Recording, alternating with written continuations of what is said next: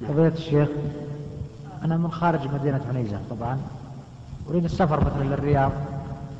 نويت السفر قبل أن آتي.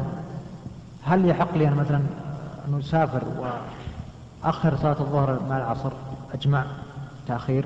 أي نعم لكن إذا كنت مقيما هنا إلى إلى إلى العصر. يدخل وقت الظهر بس. فقط. إلى لا إنتهاء بأس. نهاية اللقاء. لا بأس إذا صليت مع الجماعة فصل العصر قصرا أيضا. صلي العصر بعد الظهر قصرا واستمر. نعم